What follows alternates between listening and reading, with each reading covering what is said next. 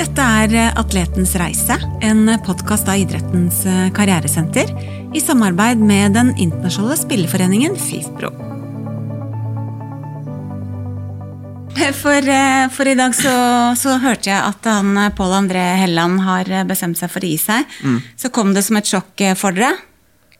Ja, det kom jo egentlig som et sjokk for oss. Ja. Det, jo, det, blir jo litt trykka stemning og sånt etterpå, for man mm. syns jo litt synd på han. Han, ja. Han, jobber jo hardt, som jeg sa til Eskil i stad. Han mm. legger ned all arbeid, alt arbeidet han har kosthold og sånt som skal til da, for å holde seg frisk, men kroppen vil bare ikke samarbeide. Og da er det da er det kjipt at en mann med så mye ferdigheter skal måtte legge opp i en alder av 32. Mm. Så det er trist, men sånn er livet. Han virka ganske emosjonell i garderoben, så jeg, når han eh, skulle formidle budskapet til dere. Ja, jeg tror det var liksom kanskje det tøffeste. Ja. Eh, jeg har aldri liksom sett Paul sånn før. da. Sånn sleit liksom å få et ord ut liksom i starten. Og det, det var liksom det som traff meg mest. Da, at Hvor mye det betydde for han, og hvor vanskelig det kanskje var å snakke om for han. da. Mm. At et, eh, kapittel for han på en måte er ferdig. da. Så det, det traff meg egentlig veldig. Ja, ikke sant? Mm. Men du, hvordan har det vært å ha en sånn fyr som eh, Pål André i eh, garderoben? Og på banen, for så vidt. da. Veldig, veldig fin fyr. Han er veldig omtenksom. Han bryr seg om alle. Da jeg kom opp på A-laget som jeg var, jeg var 17 eller noe, og da han tok meg imot som jeg skulle vært 30. da. At han, det, det er ikke alle som har det i seg, at de, at de velger, gir så god velkomst til alle. Men han, eh, han, tar vare på alle, og det setter veldig stor pris på det. Mm.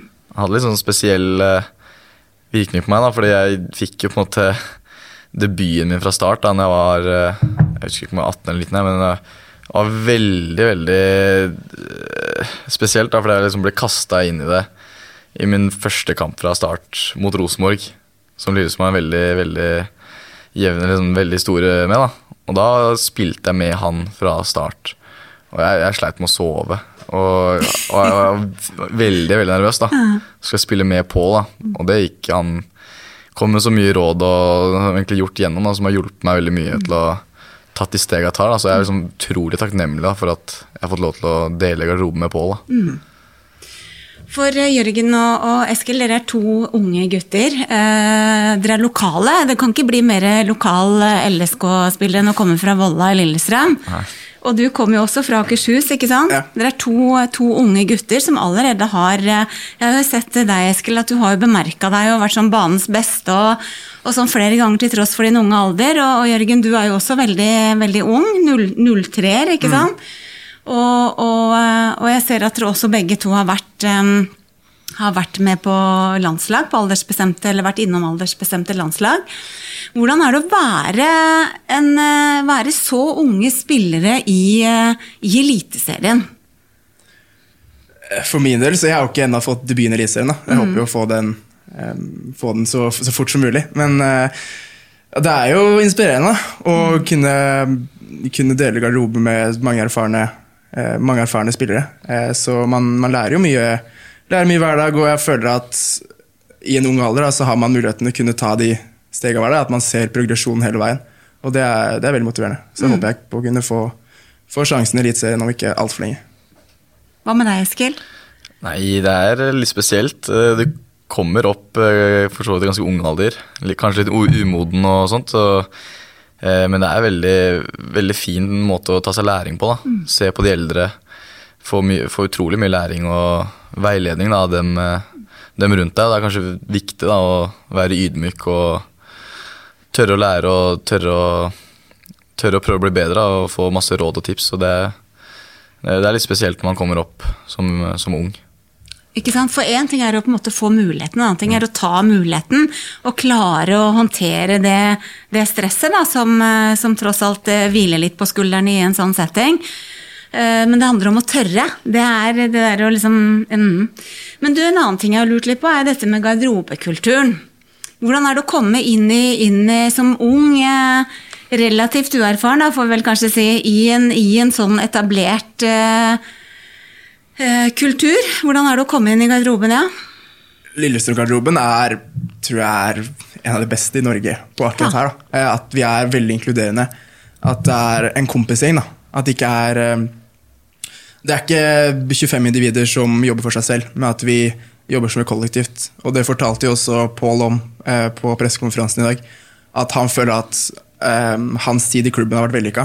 Ikke fordi han har fått spilt så mye eller scoret så mye, men at, han, at klubben har løfta seg under hans tid her, og at han føler at han kunne, han kunne bidra med det med å snakke med folk, bidra i garderoben. Da. At ja, han tar de én-til-én-samtalene og gir tips og veileder hele veien. Ja, Sånn er med å bygge kulturen egentlig, og holdningen. Mm. Og, og det gjelder ikke bare Pål heller. Det, er, det er mange garderoben som ja, ja. er veldig flink på. Gjermund også kan trekkes fram der. Ikke sant? Hva tenker du, Eskil? Nei, altså jeg, jeg, eh, har jo ikke Det er ikke det at jeg har ikke vært der så veldig lenge på A-laget. Jeg er vel inne i mitt eh, så å si tredje Det blir vel rundt tredje, to og et halvt, tre år. Eh, og jeg merker veldig, veldig stor forskjell på jeg, var, jeg kom opp det året vi rykka opp. Og da var det, jeg ble tatt godt imot, og det var ikke noe problem med det. Men jeg merka, har merka en veldig veldig stor forskjell på samhold da, mm. i lag. Og det at jeg føler at det er eh, en gjeng med kamerater, da. ikke treningspartner eller uh, kollegaer, egentlig. Jeg føler det er en gjeng jeg kan snakke opp med med alle og er uh, veldig gøy. Men jeg, jeg, tror også store deler for suksessen vår er det, den garderoben vi har. da. Ja. Så det, det, og det legger jeg veldig merke til. da. Mm. Er det litt lettere å tørre, som vi var inne på, tørre å, å, å, å utfordre seg sjøl, både på og utafor banen, når man har det gode samholdet? Ja, absolutt. Mm. Det, eh, det, er liksom en forståelse en gjeng med veldig god forståelse for oss yngre òg, eh, som på en måte pusher oss de yngre hardt. Det er, sånn, det er lov til å gjøre feil, men du hører også at du gjør feil. Mm. Så det er ikke det er, ikke, det er ikke, bare alltid vennlig, liksom, men eh, du, de sier fra på en ordentlig måte. Mm. Som gjør at du, du, lærer også når man gjør feil, men du lærer også på en ordentlig måte. Du, ikke, du blir ikke skjelt ut og føler deg dårligere enn andre, men du får lov til å, lov til å bli bedre. da. Mm. Så det er på en måte en sånn trygghet da, og en god, eh, godt samhold og en trygghet i bunn som gjør at man også tåler å få, tåler å få liksom direkte og tydelige tilbakemeldinger også på ting man ikke gjør bra. Mm. Mm. For man blir jo ikke god uten å få tilbakemeldinger på det man gjør dårlig heller. Mm. Men du, apropos dette med kultur og garderobekultur og sånn. Dere, dere, kjenner jo meg litt fra før, for vi hadde den piloten i fjor høst hvor vi hadde noen karrieresamtaler og satte litt fokus på på det å forberede seg til livet som en, en, eller annen dag kommer. Nå er jo dere veldig veldig unge. Du var vel nesten ikke ferdig med videregående når vi snakka sammen? Nei, jeg var vel, jo, jeg ble akkurat ferdig. Akkurat, ja, ikke sant? Ja. Akkurat ferdig. Men er det noe kultur i garderoben for det der å gjøre noe annet ved siden av, eller? Altså det der å studere, eller? Det er ikke, vil ikke si det er noe vi snakker veldig mye om, eh, men vi har jo hatt de møtene med dere og sånt, så det er ja. jo eh, det er jo vi vet om det, hvis vi kan si det sånn. Jeg, eh, vi vet at det er en mulighet. Eh, så jeg selv går jo, har begynt på studiet nå i år. Oh, ja. Eh, så, ja. så, jeg vet at det er flere andre som, som enten studerer eller har studert tidligere. Så det er ikke, ikke bare fotball i garderoben. det er det ikke. Mm. Hva er det du har begynt å studere, Jørgen? Industriell, industriell økonomi på Ås på NMBU. Akkurat. Indøk, rett og slett. Indøk, ja. ja, ja, ja. Hva med deg, Eskil? Gjør du noe ved siden av, eller? Nei, jeg har funnet jo litt mer eh, via møtene vi hadde har hatt og sånt. Så ja. er, og med, med, kompiser, lagkamerater som jeg vet eh, også har prøvd å studere, men ikke har gått helt veien, så er mm. jeg litt mer på at eh, Jeg fikk jo liksom åpenbaring liksom litt at, opplyst at jeg skjønner at jeg, jeg vet at det er veldig viktig mm. å ha ha en fremtid, en sikker fremtid. Mm. Uh, og jeg vet at fotballkarrieren varer ikke til man er uh, akkurat 40, kanskje akkurat 40 hvis man er heldig. Uh, men å ha noe å gjøre etter det tror jeg er, tror jeg er veldig lurt. Mm. Og, men så har jeg også funnet at jeg vet ikke helt om jeg er klar for det i den alderen jeg er i. nettopp ferdig med videregående. og da tror jeg nettopp Hvis jeg hadde pusha meg til noe jeg ikke var klar for, da er jeg ganske sikker på at jeg ikke hadde fullført det. Mm. Det er litt mer at da skal jeg være helt ordentlig 100% klar da, for å mm. kunne begynne å, mm. begynne å, studere ved siden av. For fotballen per dags dato har, jeg, har det vært veldig mye. Mm. Uh, og jeg har spilt veldig mye i år, og, så mm. det er litt det om, om, om jeg hadde klart å koble av ved siden av. Ja, ikke sant? Uh, så jeg føler at jeg skal få være trygg på meg selv mm. og være litt motivert for at jeg kan uh, begynne å studere. da. For dere er jo forskjellige dere også, som fotballspillere, som alle andre. sånn at dere har jo forskjellige behov, og dere er på forskjellige steder, kanskje litt også nå i karrieren. ikke sant? Jørgen, du sier du har ikke fått debuten i Eliteserien enda, ikke sant? Du har spilt mye, så kanskje er det litt sånn ulikt trykk akkurat på det også akkurat nå. Men et tips er å ikke vente til du nærmer deg 30 med å plukke opp igjen, for vi snakker jo med en del, en del utøvere. Det er jo ikke sånn at dere har dårlig tid, ikke sant? men så er det en del utøvere som liksom har planer om å begynne å studere, og, men så går åra, så plutselig så har det liksom gått veldig mange år. Sånn at det, lurt, det, er lurt, å på en måte komme i gang liksom før Ja, ikke vente altfor lenge, men samtidig så skal man jo også finne både hva man er interessert i, da, og, og studietrykket. Men, men um, men det er litt å gå på skjønner jeg, i forhold til liksom garderobekulturen. Da, for det er, noe, det er, noe, dere vet om, og det er rom for å gjøre det, men det er liksom ikke noe man snakker om noe sånn, noe sånn særlig. Nei, ikke sånn, mm. uh, sånn i plenum i gruppa, på en måte. Men Nei. du kan jo snakke med uh, en og en om det. da. Ja. Jeg har jo ja. en Martin Bergum som Eh, vi begge vurderte sterkt å begynne å vurdere i fjor. Ja. Nei, vurdere å begynne å studere. Ja. Eh, jeg starta med det, men han fant ikke helt rette studiet. Eh, så vi snakker jo om det innad i garderoben. Det gjør vi jo. Men det er ikke det er ikke det kjeteste samtaleemnet. Nei, jeg skjønner. Det er jo kanskje naturlig nok. Altså. Det var jo litt sånn Etter vi hadde hatt møtene med dere, ja. så var det jo sånn i preseason at det var muligheter da, mellom øktene. Og gjorde rom for at det gikk an å studere. da. Ja. Så de som gikk på skole og de som studerte, tok med PC og fikk litt rom for det. da. Fordi det, I, ja. i, i, i fotballtiden, da, mm. som er ganske lange i preseason. Ja, ja. Så det var jo en løsning i hvert fall som er mulig. Ja, det, mm. For det er ikke sånn at det er opplest og vedtatt eh, at eh, for å liksom nå så langt som mulig fotball, så må man tenke fotball 24 timer i døgnet. Det er, det er ikke liksom sånn at den egentlig ligger litt sånn bak og lurer. Ja, jeg, fotball her blir jo en stor del av livet vårt, men ja. jeg føler at det, det, er greit å ha noe annet å tenke på. Ja. I hvert fall for min egen del. Jeg følte at eh, det året jeg hadde mellom videregående og studier, hvor jeg egentlig ikke gjorde så mye på fritida Det var eh, mye slappe av forberedt neste dag. Eh, og det ble litt lange dager. Jeg fikk litt dårlig samvittighet for at jeg ikke gjorde noe eh, konstruktivt. Så, mm. Men det er jo meg personlig. Da. Jeg er jo litt rastløs når det gjelder sånt. Så mm da følte jeg rett for meg bare å begynne et studie. Mm. Og Det er ganske viktig for dere utøvere, det er viktig for alle, men også selvfølgelig i hvert fall for dere å kjenne seg sjøl godt og kjenne sine egne behov, er det ikke det? Sånn at man liksom totalt sett i livet får å si, de rammene rundt seg, da, får tilfredsstilt de behovene man har, så at man også klarer å prestere. Mm. Er det noe dere har en bevissthet rundt, eller?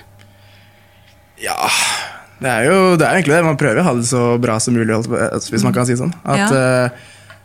Som for Eskil, han sier jo at han føler seg ikke helt klar for det. At han, det er ikke rette tidspunktet. Da. Og da mm. tenker jeg da jeg støtter jeg 100% Fordi mm. hvis man skal krige seg gjennom hver dag, eh, så blir det bare, blir bare et mass. Mm. Da kommer man ikke til å fullføre, og da det er ikke vits å Da kan heller drøye den, så kan heller kjøre 100 mm. Så det er jo helheten, helheten da, som er viktig. Ikke sant? Og jeg så en eh, film, Eskil, eh, hvis ikke jeg tar helt feil, hvor, hvor, du var på skolebesøk med Motorganisasjonen. Stemmer det, eller? Det er et par uh, uker siden, kanskje. Ja. ja. ikke sant? Men Betyr det at du er motambassadør? Ja, jeg har ikke offisielt uh, skrevet meg på noe innen men Nei. jeg tror uh, at jeg er det. Det er noe ja. jeg hadde vært sagt ja til uansett, så ja. mm. liker å kanskje si ja. Så, for det er, no, er, det noe dere er, jeg håper å si, Har dere noe samarbeid med Mot i klubben, eller er det Jeg tror det er vel et samarbeid. Vi er, samarbeid, ja. vi er samarbeidspartnere, ja, tror jeg. Og det syns jeg er en veldig fin sak uansett, så det, det, det syns jeg bare er helt fint. det. Ikke sant? For det er mange måter å bygge kompetanse på. så Én ting er jo å ta studier, ikke sant? Mm. en annen ting er jo å engasjere seg i organisasjoner som MOT eller andre, da, ikke sant? Mm. Og, og, å si, ja, engasjere seg i nærmiljø og for um, for en god sak. Det er jo en tidligere fotballspiller. Han engasjerte seg jo masse mm, imot gjennom den aktive karrieren, og i tillegg til litt andre ting, da, så begynte han faktisk å jobbe imot når, mm. når han var ferdig. Så men hva gjør det med deg, eh, Eskil, når du da er på skolebesøk og, og, ja, og representerer mot? da? Påvirker det deg på, noe, på noen ja, måte? Det, jeg syns det er litt spesielt. Eh, det er jo når jeg ser liksom at unge barn eller unge ungdommer som uh, ser liksom litt opp til meg, da. Syns jeg er spesielt, og at jeg kan uh, hjelpe dem eller uh, videreformidle et veldig fint budskap til mange ungdom, syns jeg er veldig bra. Mm. Så det gjør absolutt noe med meg. At jeg, i hvert fall litt at jeg kan kjenne at lokale områder vet hvem jeg er. da. Mm. Og da har jeg muligheten til å være en god rollemodell og eh, videreformidle et, eh, et budskap jeg syns er veldig bra. da. Og viktig. Kanskje litt vanskelig å svare på, men føler du at det påvirker også positivt på banen på noen måte?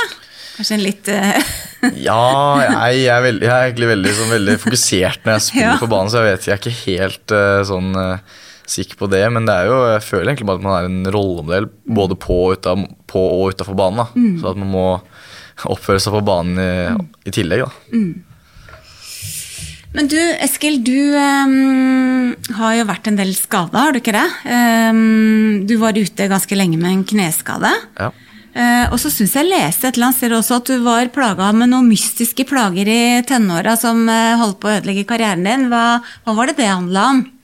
Var det det samme, eller var det for seg? Nei, jeg har vel egentlig slitt kun med kneet. Ja. Uh, Så det var jo ganske brutalt, for det var jo i ganske ung alder. Mm.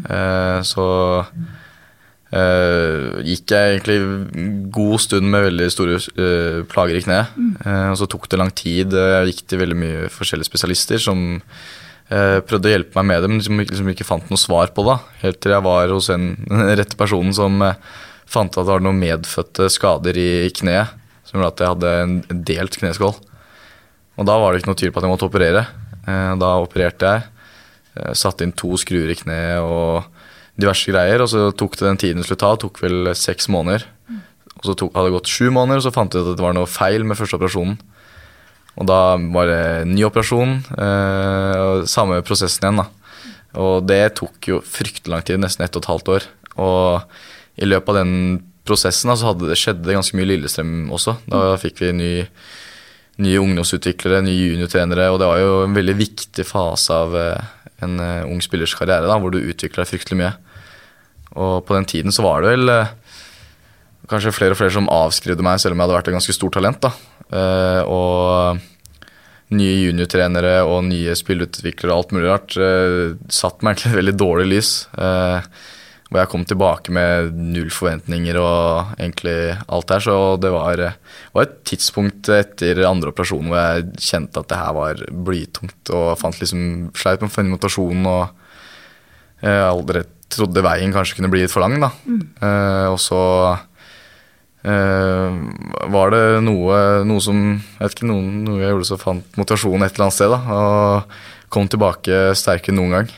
Og da var det egentlig bare én vei fra det. Eh, Så egentlig litt sånn brutal skadehistorikk, så bare gikk, har det gått én vei siden og egentlig ikke stoppa. Så, Så, så hva var det du gjorde, eller hvordan var det du klarte å beholde både trua og motivasjonen? jeg vet ikke, det, motivasjonen er vel, kommer vel mest på at jeg elsker å spille fotball. Det er det som kanskje brenner mest. eh, Det å spille fotball er gøy. Om jeg hadde slutta eller ikke, så hadde jeg alt kom, kom fortsatt kommet til å spille fotball. Eh, Så hadde jeg gode venner, gode lagkamerater. Jeg har jo gått i klasse med Jørgen i tre år. Så vi gikk jo sammen, så han har jo på en måte vært, vært med på litt min reise også. Så hjulpet med mange andre. Med Martin Bergum og flere, flere som har vært veldig flinke støttespillere og hjulpet meg gjennom det. Så kanskje blanding av eh, savnet på å spille fotball og det å ha en eh, gjeng med gode støttespillere som har hjulpet meg gjennom det. Tenker dere ofte på det at eh, dere nevner jo stadig dette med gode venner ikke sant? og godt samhold og, og i gruppa, da, og det å, å ha en sånn sterk passion for noe. Tenker dere noen ganger på hvor håper jeg, heldige dere er, eller det at dere har satt dere i en sånn posisjon delvis selv òg, da, hvor dere på en måte er en del av et miljø som åpenbart er så bra for dere, og så får dere drive med noe dere har en så sterk interesse for. Det er jo ikke alle forunt, egentlig. Er det noe dere tenker på, eller? Vil ikke, vil ikke si det er noe jeg tenker på, men uh, selvfølgelig, vi er jo vi er privilegerte. Heldige som får lov til å drive med fotball som jobben vår. Mm. så det er jo Ja. Vi er delvis heldige, vil jeg si. Vi har selvfølgelig jobba for det, men det er ikke alle som jobber for det og klarer å oppnå det for det. Ja, jeg ser jo liksom litt på den, det, vi, det vi mister, da. Eh, Jeg og Jørgen er jo to ungdommer liksom, som mister ganske mye fritid og ofrer ganske mye da, for å spille fotball. Og så kan du si veier det opp, og folk, mange sier at, mener at de er veldig heldige som får lov til å gjøre det vi elsker, og selvfølgelig det er vi jo, men vi legger utrolig mye jobb og lidenskap bak for å komme dit vi er nå. da, Og vi har jo egentlig ikke kommet noe i, mål eller noe. Nå lever vi liksom bare i nuet og litt i drømmen, men vi har jo ikke oppnådd noe enda da. Så vi er jo, men selvfølgelig er vi privilegerte, men vi ofrer ganske mye også for å, som folk kanskje ikke tenker på. da. det ligger jo utrolig mye hardt arbeid. Og det å håpe å si, være på det nivået dere er nå, da, til tross for den unge alderen det, er, det er ingenting som kommer av seg sjøl, for å si det sånn. Uh, mm. Men det er jo mange unge som ikke liksom klarer å finne noe de er interessert i. ikke sant? Og det er jo en viktig greie i hvert fall å ha en sånn sterk, sterk passion. Da. Men litt tilbake til din, til din skadehistorikk, Eskil. Det, det, sies jo at uh, alvorlige skader, da, som vi vel kan si at du hadde, er en sånn risikofaktor i forhold til mentale helseplager. Var det noe du uh, kjente på, eller i den perioden hvor du var, var, ute? Nei, altså, som sagt, jeg vil si at jeg var litt heldig. Fordi i samme skadeperiode så var det en, en veldig god kompis som var på, som vi spilte fotball med, hadde en langtidsskade, han også. Mm. Så vi satt jo egentlig litt i samme båt. Så vi, det tror jeg hjalp en god del at jeg hadde en en kompis å nesten dele alt med. da. Og vi sleit med det samme, så det tror jeg kan ha hjulpet mye. Og så legger jeg ikke noe skjul på at det tror jeg er, veldig mange kan slite med det. Og som sagt så tror jeg også jeg er litt flink til å finne gleden i de små tingene også. Ja. Så det tror jeg så har hjulpet meg. Men det var et tidspunkt det var veldig depressivt å mm. se alle smile, gjøre det bra og ta nye steg da, mens du sitter fast egentlig ett år bak da, mm. med verdifull tid og trening. Og, så det er det legger ikke på. Det var veldig tøft. Og i hvert fall måtte finne ut igjen å operere for andre gang. Da var det, var liksom, da var det ikke mye glede å finne de små tingene lenger. Mm. Så det uh, så Litt flaks hadde jeg, men uh, det ler ikke noe skjul på at det var tøft. Mm. Men hva med deg, Jørgen? Har du hatt noen skader eller vært utover noe? Uh, jeg har ikke hatt noen så alvorlig som det jeg skulle hatt. Men jeg har hatt litt uh, småtteri her og der. Da. Jeg har hatt litt sånn uh, teite skader, kan man vel si. Jeg hadde Jeg klarte jo på en uh, Vang-trening, altså skoletrening, jeg klarte jeg å få en lårhøne som var satt meg ut av spill i seks uker. Jeg har blitt erta en del for. og så klarte jeg å tråkke over på klubbesøk, som også satt meg ut noen uker. Så det er bare sånne teite skader. Jeg får litt uh, kanskje én gang i året. Men uh, og der også vil jeg legge til at jeg er veldig imponert over de som er skada i klubben. Sånn som Jeg og Eskil var jo på styrkerommet litt sammen da jeg var skada. og hvordan de klarer å holde positiviteten i gang. Mm. selv når de ser alle gå ut og trene mens de må være inne og kjøre intervaller. Mm. Jeg var der i fire uker, som ikke er i nærheten av like lenge som noen andre gutta har vært inn på styrkerommet. Um, men det var, jeg merka at det var tøft. Men det hjalp veldig å kunne se de andre At de andre fortsetter å smile over det. Da. Selv om de alle har det tøft, men hvis vi på en måte prøver å glemme da, at vi, vi heller er en kompisgjeng og at vi støtter hverandre, så ja, glemmer man det litt. Og da klarer man, å, klarer man å nyte det, selv om man gjerne skulle vært ute på banen. Og Jørgen, du er jo keeper. Og noen påstår at det er en litt sånn egen håper å si en egen rase, er kanskje litt feil å si, men Jeg har hørt den før. ja. hva, hva, er det ja, Er du enig i det, eller er det jeg, vil, jeg, vil, si at med sånn stereotypien av keepere, iallfall før, mm. at keepere pleide å være veldig gærne og sånt. noen keepere er det fortsatt, absolutt. Noen av de gærneste folk jeg kjenner, er keepere.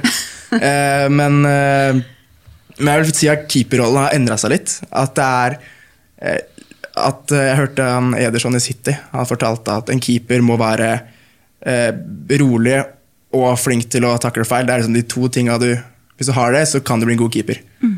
Og at som keeper så er du gæren som keeper i dagens fotball. Hvis du er, ja, løper rundt som en hodeløs høns, da, da, tror jeg ikke du kommer deg langt. For du trenger, du trenger å være stabilitet. Da. Mm. Og da jeg føler ikke den er helt der lenger. Men man selvfølgelig, man skal jo hoppe foran baller, så noe, mm.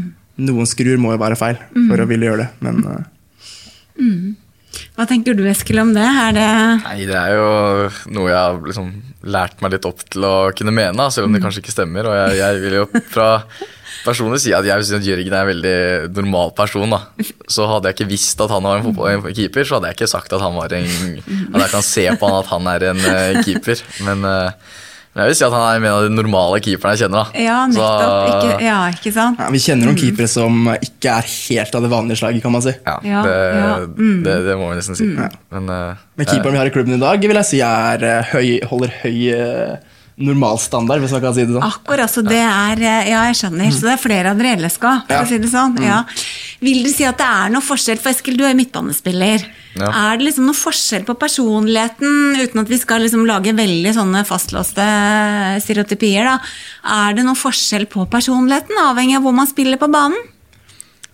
Nei, eh, først og fremst jeg driver og bytter litt på, da. Ja. Jeg, spiller, jeg har spilt ja. mest back nå. Ja, nå, ja, så ja. det er både back og midtbane? Ja, så du er litt innom forsvarsleddet ja. også? Ja, eh, men uh, uh, ja Altså, vi har jo en god del rare figurer på laget. hvis det er lov å si, da. Og vi har jo noen stoppere da, som der er litt samme med det keeperne. Der er de, sånn, Hvis man kan si da, de, de kaster seg foran og ofrer alt der av eh, alt mulig for å ikke slippe inn. da. Og så har vi noe og så har vi noen afrikanere også, som er litt annen type De er litt annen type hva skal jeg si? Kultur. Kultur, ja. Og det legger du veldig merke til. Det er Med en gang du kommer på musikk og litt noe der, så er de jo i helt uh, Mye dans. mye dans og kos og latter og høylytt og sånt. Så det kommer litt an på litt hvor du er fra og hva slags kultur du kanskje kommer fra. da. Ja, ikke sant? Så det er ikke bare hvor du spiller på banen, men det er faktisk hvor du kommer fra, sånn bokstavelig talt. ikke Ja. sant? Ja, absolutt. Og eh, ja, mm. Så um, Men dette med, apropos dette med mental helse, altså vi bare sveipa så vidt innom. Dere hadde jo en i, på laget som sto frem, og sleit ganske skikkelig, egentlig, hvis det går an å si det. Hvordan eh, med mental helse, hvordan, hvordan påvirka det spillergruppa? For det var jo en veldig god spiller som eh, Ja, det, vi ble vel, Da han sto fram det først, så ble vi vel eh, samtlige sjokkert. Ja. Eh, jeg vet ikke om noen som visste om det. Jeg tror, ikke, jeg tror han fortalte at hans egen bror ikke visste om det engang. Eh, at det var ja, Han fortalte ikke noen, da. Og det er, er både rørende og veldig overraskende da han kom ut med det. Eh, så det, ja, det påvirker oss, det. Vi, han er jo var kanskje klovn i garderoben, hvis man kan si det sånn. At han fikk alle til å le hele tida og sånt. Men jeg hadde, kunne aldri mistenkt at han eh, sleit såpass på eh, Såpass mentalt. Så veldig stort av han å stå fram med det. Og jeg håper det kommer til å hjelpe han veldig mye. Ja, det er jo, jeg synes det er litt imponerende hvordan han klarte å skjule det så bra. For eh, personlig så hadde jeg aldri trodd han kunne Og jeg liker å tro at jeg kan være litt flink til å se om noen har en dårlig dag, eller mm. greier, men han skjulte det så godt at det var umulig å gjennomskue. Eh, og det bare, kan jeg bare tenke meg at det hvor eh, ille det faktisk var da, når han har når det har gått inn på han så mye. Uh, og det, jeg synes det gjorde noe med hele gruppa. Ja, hva da tenker du på? Ja, han, han var en så livlig gutt og smiler hele tiden og er så hyggelig mot alle. da. Om du er ung eller eh, gammel, holdt jeg på å si, så er han en så livlig gutt. da. Og en eh, energispreder. Så det er jo eh, gjorde noe liksom med alle. At vi ve- vet liksom Det gjør kanskje noe med deg selv at du kan tenke at noen sitter inne med det, men ikke tør å si ifra. Jeg syns vi har blitt enda bedre til å ta vare på hverandre etter han Ja, fram. At vi, vi ser at det trenger ikke nødvendigvis å vises på overflaten. At man har det, man har det kjipt. Så Mm. det var kanskje litt sånn vekker for oss alle. At uh, vi må ta vare på de rundt oss, Mm. uansett ja, hvordan de ser ut på utsida. Så det dere sier at dere, har- Har dere fått noe annet forhold til deres egen mentale helse også, i, i lys av det dere har opplevd i klubben, eller? Personlig har jeg ikke tenkt så mye på sånne ting, for ikke Jeg liker å tro at jeg har det liksom godt eh, per dags dato, da, men eh, det sier bare hvor viktig det er. da, og Hvor viktig mental helse er. Det burde jo komme før nesten alt. Alt annet. Mm. Så det er jo absolutt, absolutt det viktigste, egentlig. Dere har også ei i klubben, har dere ikke det? Som, eh, som er litt sånn støttespiller rundt eh, håper å si det utenomsportslige. Er det noe som også har kommet i etterkant av den uh, Mette hun var der før Tobias. Ja, Det var vel eh, ja. Tobias snakka med Mette om det. Det var Ja. sånn, sånn han kom ut med det. da. Akkurat. Eh, Så Mette har jo vært veldig viktig for Tobias. tror jeg. jeg mm. ikke, nå har ikke jeg snakka med henne om det, men i hvert fall hadde jeg hørt, så var hun en veldig viktig del. At han har klart å komme ut med det. Og hun Åpne er- opp og åpne opp, snakke ja. om det, ikke sant? Og hun er jo veldig viktig for oss alle i klubben. Hun, eh, På hvilken måte da? nei, At vi kan, vi kan snakke med henne hvis vi føler at det er noe vi sitter inne med, og vi kanskje ikke er helt komfortable med å snakke med en lagkamerat eller en trener. Så er alltid hun der for å snakke om det. Uh, hun tar oss ut en og en iblant. Hun kan bare gå bort der og si 'kan vi ta en prat', og så setter vi oss ned, og da snakker vi ikke bare om hvordan de jobber på fotballbanen. Da snakker vi om alt, familie, eh, hvordan alt er på privaten. da. en som virkelig bryr seg. Og det er jo det er veldig viktig. I tillegg til å ha jobben som eh, mindfulness-trener, hvis man kan Å, si det sånn. Har hun- dere egen mindfulness-trener? Ja, eller at Ja, vi eh, Det Ja. er vel én dag i uka. I Ja. preseason kanskje enda oftere. At Ja. vi eh, har mindfulness, da, hvor vi lærer litt forskjellige teknikker av hvordan vi kan slappe av, og, Mm. som kan hjelpe oss med å takle motgang og sånne ting også. Hva, hva, hva tenker dere om det? Hvordan, eh, hva gjør det med dere? Nei, det er jo et forsøk da på å få folk til å kunne på kort tid få tankene et annet sted, eller gjøre seg klar til kamp på en annen måte. og eh, få fokus på noe annet. da. Lærer vi, har- også lært uh, pusteteknikker. Det er jo alt for å prøve å få for alt, Hvis du trenger å sove til før kamp, til forskjellige punkter på kroppen du kan presse. og Eh, selvfølgelig er jo det Jeg tror den effekten er, kommer veldig an på person til person. Mm.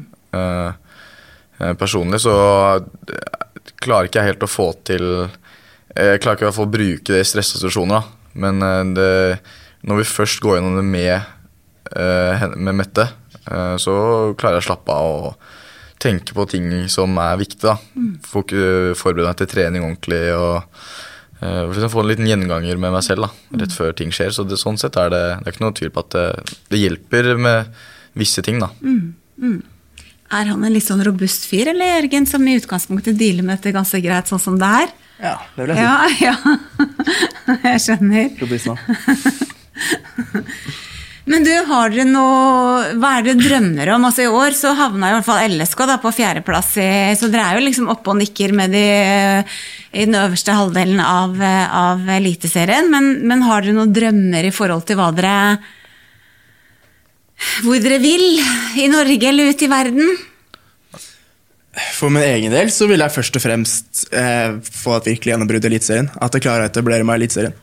Så som alle andre nordmenn så vil jeg jo en tur ut i utlandet i løpet av karrieren. Det er jo det som er den store drømmen.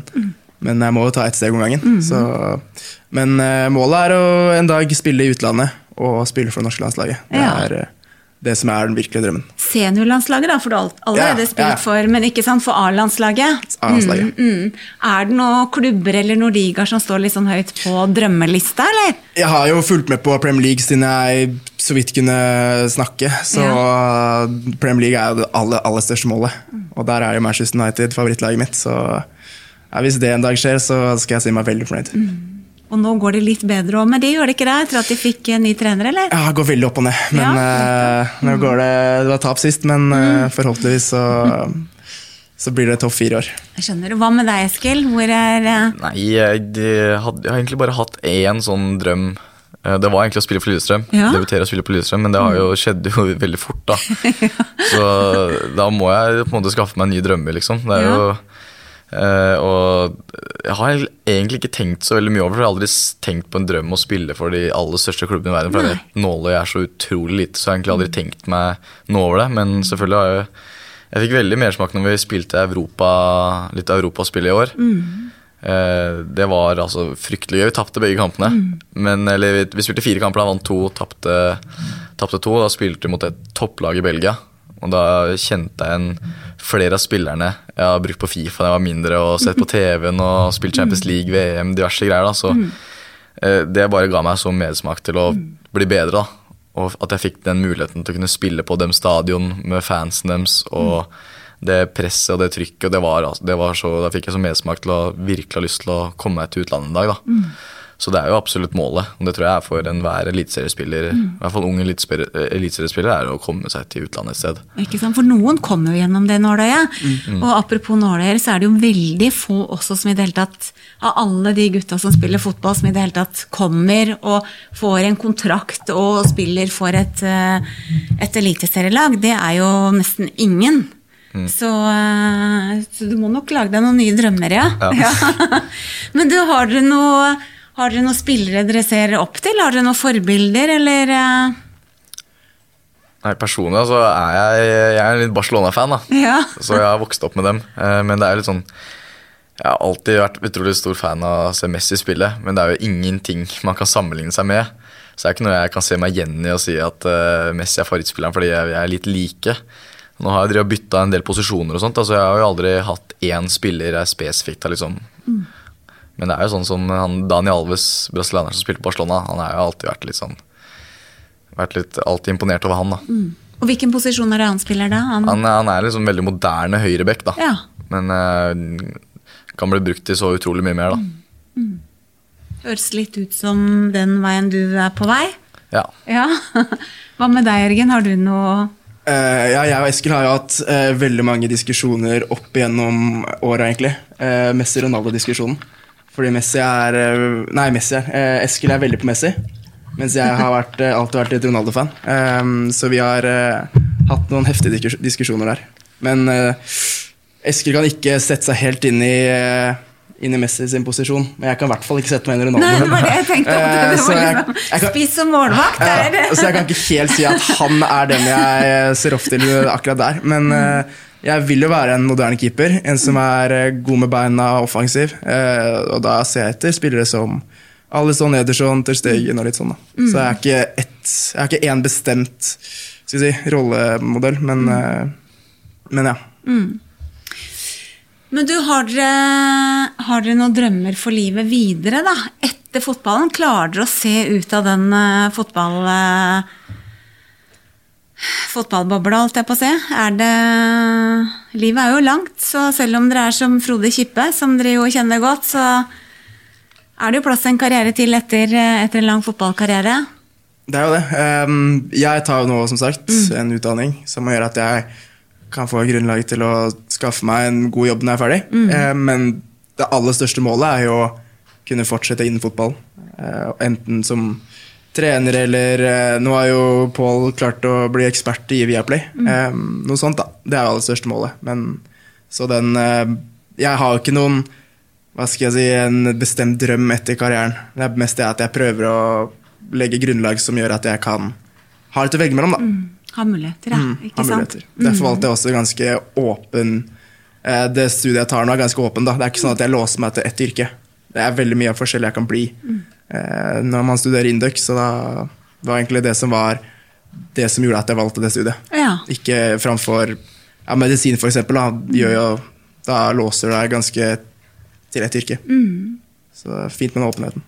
Men apropos det, jeg har ett spørsmål til til deg der, Jørgen. For, for um, opplever du at uh, på lik linje med Kilini, som var i Juventus, som har stått frem og sagt at det å studere og gjøre noe ved siden har gjort at han har følt at han har blitt skarpere på banen til å ta raske avgjørelser osv. Opplever du at det å studere For nå hadde du et friår. Opplever du at det er noen positive effekter på banen av det å studere? Um, ikke som jeg legger merke til. Eh, men uh, om det er sånn, det, det vet jeg ikke. Uh, det er absolutt positive effekter med å studere. Eh, men hvor mye det hjelper meg på banen, det, det vet jeg ikke. Nei. Men det gjør at jeg, jeg føler, at, føler meg bedre med meg selv. Da. At jeg kan legge meg på kvelden og føle at shit, i dag har jeg gjort en ordentlig innsats. Da. Jeg har gjort noe skikkelig konstruktivt. Så det er egentlig det som er det viktigste for meg. Ikke sant? Hva med deg, Eskil? Har du noen drømmer for livet videre etter fotballen? Jeg syns det er vanskelig å si. Jeg har egentlig alltid vært litt der jeg vet ikke helt uh, hva jeg skal og hva jeg vil, og diverse greier, så jeg er egentlig litt usikker. Jeg vet ikke hvor, uh, hvor mye jeg har lyst til, eller til å jobbe med fotball etter jeg er ferdig. da. Eh, sånn som å kunne vært en trener. Jeg vet liksom ikke om jeg har lyst til det, liksom. Men det, tiden kan jo kanskje vise at jeg har lyst på det likevel. Men jeg, det, det er kanskje noe Innenfor fotballen er jo ikke, hadde ikke vært dumt, det, liksom. Men jeg er ikke, jeg er ikke, helt, jeg er ikke 100% sikker på hva jeg hadde hatt lyst til å gjøre. Nei, ikke sant? Og dere er jo unger, da. Så jeg mener, eh, dere har jo tida foran dere. Det er jo ikke sånn at man skal ha alle planer klare når man er eh, 20 pluss minus. eh, Mm. Så, mm. men du, til tross for deres unge alder, har dere noen tips eller noe råd til både egentlig yngre og eldre spillere? For det er jo spillere som er eldre enn dere også, men som ikke er i nærheten av å ha kommet på det nivået som dere foreløpig er på, da. For å, for å lykkes, mener jeg. Ja. Så tips og råd for å lykkes. Eh, jeg har egentlig alltid hatt sånn etterråd råd jeg skal hvert til yngre, det er egentlig bare å kose seg med fotball. Ja. Det er kanskje det viktigste rådet jeg har. eh, for at om jeg måtte spille fotball eh, hver dag og ikke synes det var gøy, hadde jeg, ikke, hadde jeg ikke klart. Så det å kunne nyte fotballen, da, eh, så lenge det går, før det blir for anstrengende eller for mye mas, eller noe, det er kanskje det beste rådet jeg har. Men det er ikke akkurat for å lykkes videre i fotballen, da. det er det kanskje ikke. Men eh, Men det er et viktig råd, da. For det er jo eh, det er lurt å sette pris på å kose seg med det man, eh, man driver med, faktisk. Og det er jo et råd som en del tidligere utøvere også gir til dagens utøvere. Liksom, kos deg og på en måte nyt det du, tida du har og det du driver med. Da. For plutselig så er den, den epoken over, ikke sant. Så det er et viktig råd. Hva med deg, Jørgen? Har du noen smarte tips eller råd til eh, Jeg er veldig, veldig enig med Eskil. Eh, Ja. det er veldig viktig selvfølgelig å legge inn arbeidet. Mm. Eh, hardt arbeid er alt det som lønner seg som vanlig.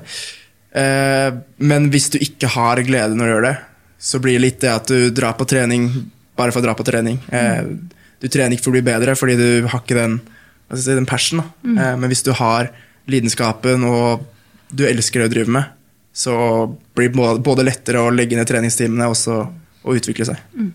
Se, har dere sett noen sånn gjennom oppveksten sånn, som har på en måte hatt litt for anstrengt forhold til det å skulle lykkes og bli god? At det kan liksom bikke litt, eh, bikke litt over?